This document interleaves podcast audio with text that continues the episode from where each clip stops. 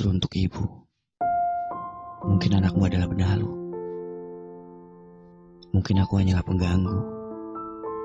Dan mungkin aku hanyalah bebanmu selama ini.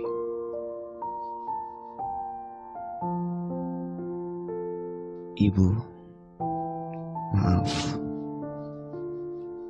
Aku belum bisa kau banggakan di depan teman-temanmu. Belum ada kisah sukses yang dapat kau ceritakan. Belum ada satupun. Tapi entah kenapa, kau tak memarahiku. Bahkan mengataiku sebagai pecundang saja kau tak mampu. Seharusnya kau berada di singa sana. Bukan di gubuk reot. Menanti anakmu pulang yang tak kapan, tak kapan, tak kapan.